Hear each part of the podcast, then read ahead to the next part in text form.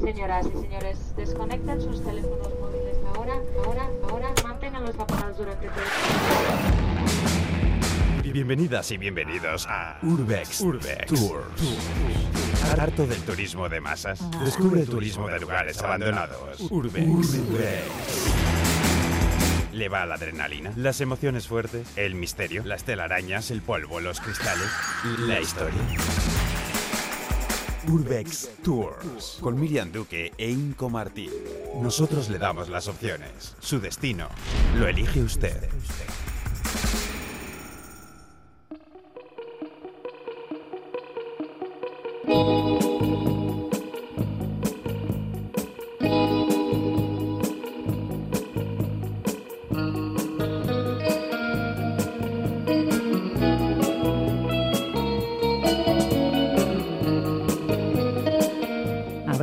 Agencia de viajes, una agencia que nos llevará a conocer lugares que un día quedaron abandonados, espacios en los que se respira polvo, humedad y cierto misterio. Es el Urbex al que nos iremos acercando gracias a nuestro guía, Inco Martín. Inco, ¿qué tal? ¿Cómo estás? Muy buenas, Miriam. ¿Qué tal? Muy bien por aquí. Con ganas de saber a dónde nos lleva hoy el Urbex. Hoy nos va a llevar, hoy nos convertimos casi que en gusanos. Hoy nos vamos a lo más profundo del Urbex a sus entrañas, mejor A sus dicho. inicios, ¿te refieres al alma de Eh, este no. estilo de viajes y viajeros? Eh, no, no, no, no, a su alma no, no, no. Vamos a profundidad, en- o sea, literal, vamos. Hoy va a ser como muy importante el no apartar la mirada del suelo, mirarnos los pies. Por cierto, llevas unos zapatos muy bonitos. Bueno, gracias. Y sí, y lo de mirar al suelo no es por si nos vamos a encontrar igual 100 euros, que no estarían nada mal, sino por no caernos en algún socavón.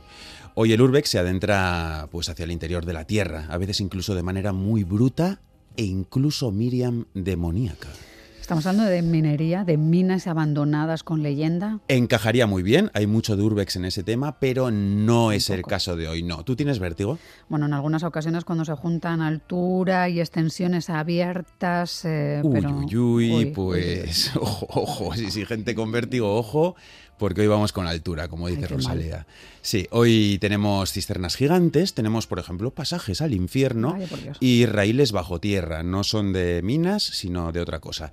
India, Turkmenistán e Inglaterra serán nuestras paradas de hoy. Pues sí que va a ser un Urbex viajero y movido. Buena vuelta, Eh, vamos a dar, ¿no? Sí, una vuelta bastante, bastante bonita. Eh, ¿Te atreves a adentrarte, pues, en las profundidades Urbex? Hombre, pues llegados a este punto la respuesta siempre es sí. Pues coge aire. India.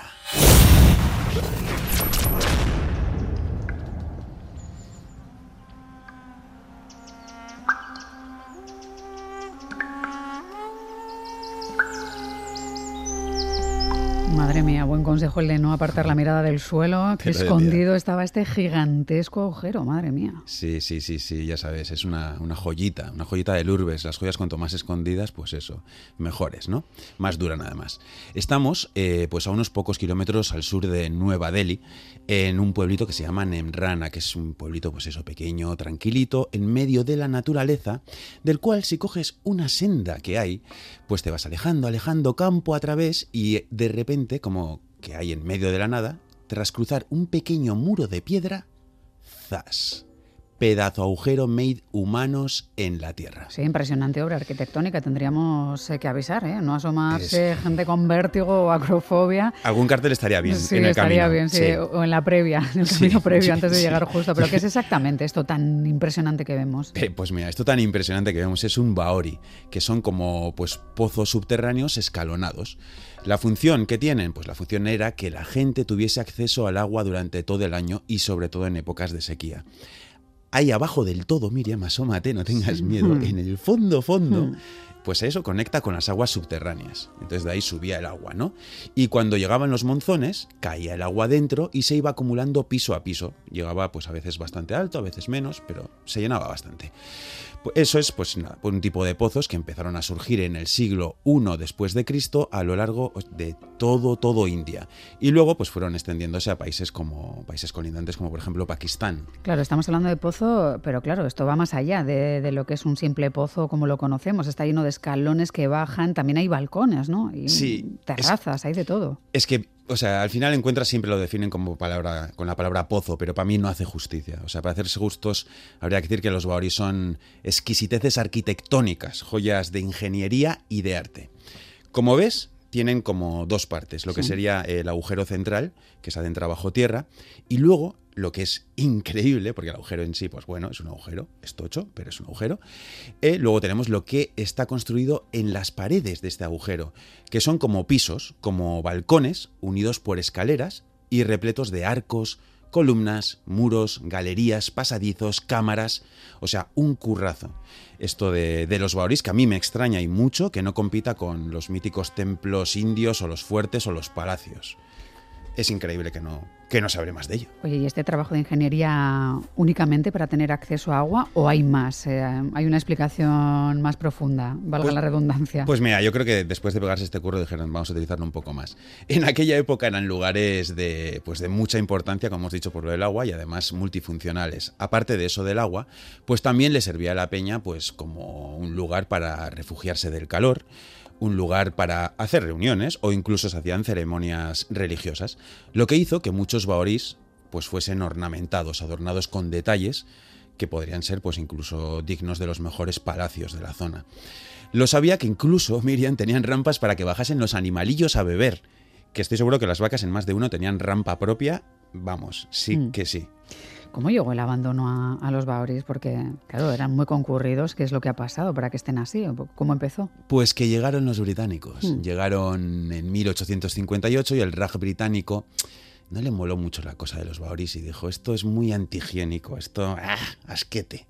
Así que fueron clausurados y sustituidos pues por tuberías, tanques, bombas, presas, etcétera, etcétera, etcétera. Nada tan cool como un Baori. Sí, ¿y por qué hemos venido a este concretamente? Hmm, pues mira, a lo largo de la India hay bastantes, pero están todos abandonados, ¿no? Pero por mucho que estén abandonados, muchos de ellos están muy bien cuidados y explotados para el, para el turismo, para los turistas.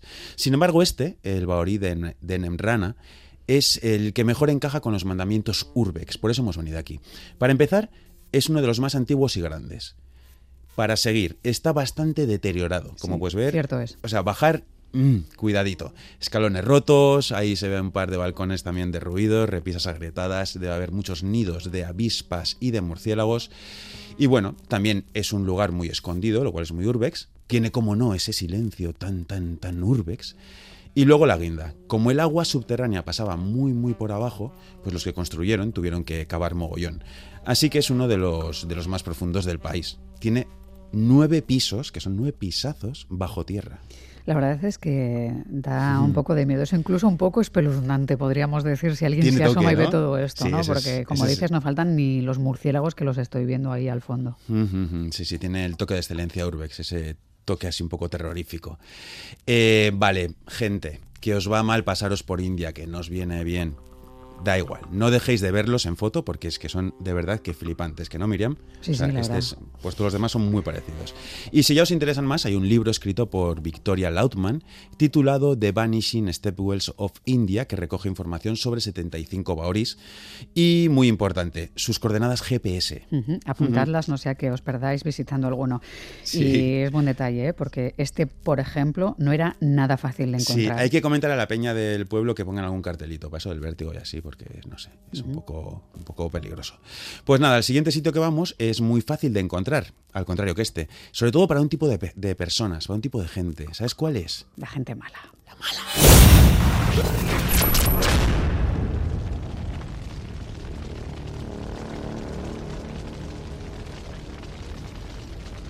¿Pero qué calor es este? Ay, escucha, escucha, Miriam, escucha con atención lo que suena. ¿Qué es esto? ¿El cráter de un volcán en medio de un desierto? Eh, Miriam, lo que oyes es el infierno. Y esta es la puerta del infierno. Lo que nos faltaba por visitar. ¿no? Yo ya contigo no descarto nada, de verdad. Sí, sí, sí, sí, pues es así. Es la puerta del infierno. Así es como los lugareños llaman a esta especie de agujero en llamas de 69 metrazos de diámetro y 39 metros de profundidad. Muy, muy grande. Y claro, si esto es solo la puerta, yo no me quiero ni imaginar cómo es el infierno. Mira, estamos en medio del cálido y extenso desierto de Karakum, Turkmenistán, cerquita de un pueblo de unos pues como 350 habitantes que se llama Darbaza. Y a este, a este portal hacia el infierno, también se le llama, pues eso, el pozo de Darbaza. Pero para que tenga nombre y todo, ¿esto cuánto tiempo lleva? ¿Sí? ¿Cuánto tiempo lleva ardiendo? Porque este infierno parece duradero. La barbacoa interminable es esto, mira. Según los datos que tenemos, 50 años sin parar de dar calorcito. 50 años en llamas. ¿Y esto cómo puede ser? ¿Qué tipo de extraño fenómeno natural tenemos delante? Pues mira, como sabes, eh, en aquella época Turkmenistán formaba parte de la URSS, mm. así que a la rareza de esta cosa le vamos a añadir hermetismo. Sin embargo, estoy investigando y todo apunta a que esto no es obra de la Pachamama, esto es cosa humana lo que lo acerca al Urbex. Bueno, pues me tranquiliza que no sea obra del mismo Satán, pero a la par me deja un poco desconcertada. Bueno, hay gente como un poquito satánica también, ¿eh? pero mm. bueno, sí.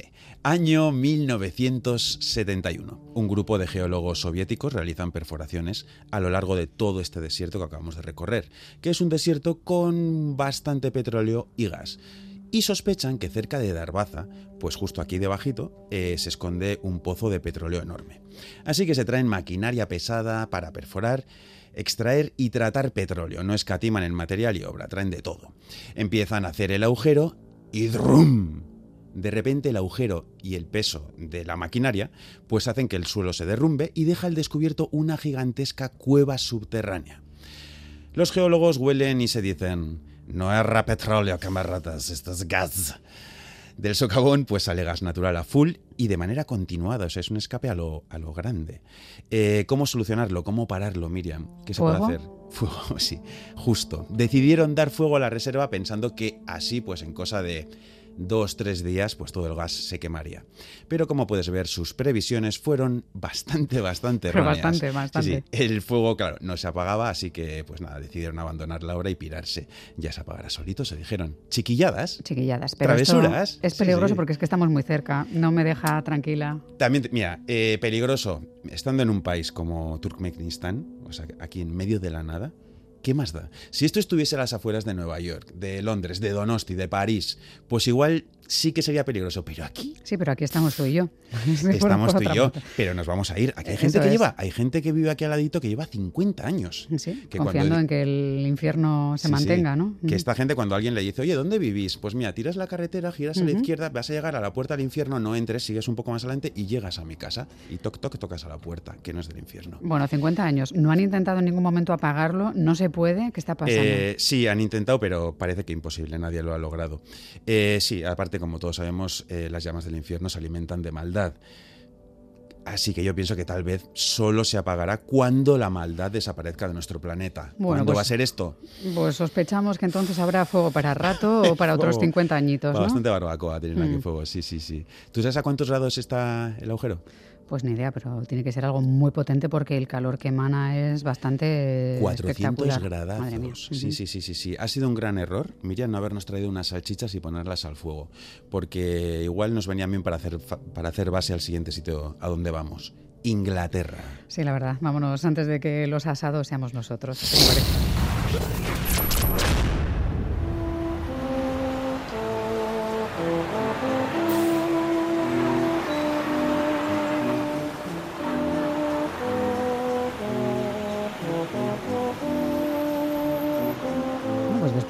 Desierto y un baor indio, volvemos al mundo urbanita. Sí, sí, sí, jaleo, jaleo. Me quedo más tranquila. creo, creo. Sí, después de la barbacoa infernal esta, mm. sí, había viene bien ver un poco así de, coches y tal. Mm. Sí, omnipresencia del Urbex también te digo. Eh, que no puedes irte a Turkmenistán o a la India, pues que sí, vete a Londres, que a Londres se va en un tita. Se respira más alegría, pero exactamente, aunque estemos en Londres, ¿en qué punto de Londres estamos eh, pues, en concreto? Te lo voy a decir, en el área de Dulwich, que es en el sur de Londres. Nos encontramos justo debajo de una pedazo carretera de cuatro carriles en la Crystal Palace Subway, que es una estación de metro abandonada que fue construida para conectar la estación de tren de Crystal Palace con qué? Con el Crystal Palace. Un poco lioso igual, ¿no? Mucho. Ingleses, yo creo que se pasaron de pintas al hacer todo esto. Pero bueno, el Crystal Palace... Voy a eh, apuntar. Sí, el Crystal Palace lo que viene siendo el palacio. ¿Sí? es un palacio de cristal que durante la celebración de la primera Expo, que se celebró aquí en el 1851, pues se puso en Hyde Park Sí. y que después se trasladó a este área donde nos encontramos ahora mismo, ¿vale? A Dulwich. La cosa es que el palacio pues atraía bastante gente, la cual llegaba a la estación de, tren- de tren de Crystal Palace, que esa ya estaba. Pero como desde ahí hasta el palacio había que andar bastante y la gente era un poco vaguita por lo visto, pues hicieron metro y estación para que la gente no tuviera que andar tanto. Y aquí estamos. Y ¿Mm? tras tanto ¿Te ha quedado lío... claro, no? Sí, sí, sí, lo estoy apuntando en el mapa además, porque ya no siempre me fío y cuando puedo me, Sí, me sí. llevo un mapa al viaje. Eh, ¿y ¿Cómo es que acabó abandonada después de todo este trajín? Eh, pues esto fue cosa de los lobbies de hay que andar X kilómetros al día. Puede ser, No, sí. no, no, no, no, no, fue algo bastante más trágico. 1936, el Palacio de Cristal ardió, así Ah. que la gente dejó de venir, el metro dejó de usarse y se convirtió en un paraíso urbex. Graffiti, roña, cristales rotos, telarañas, abandono. Pero un abandono muy bonito, ¿eh? Sí. Mucho como para ser una simple estación de metro abandonada. Sí, sí, sí, es que, es que claro, ojo, que esta estación, o sea, es que la estación eh, pues fue ya construida con mucho, con mucho, mucho mimo. Se dice que la estación tenía apariencia de cripta y eso puede ser ya, eh, pues puede ser pues porque fue construida, cuando fue construida se contrató a unos artesanos italianos expertos en construir catedrales. Amigo. Claro, y de ahí estas bóvedas que vemos, sus arcos de piedra, sus pilares octogonales y luego los techos que están guapísimos, con esa Sí, mezcla de rojo es y sí. crema.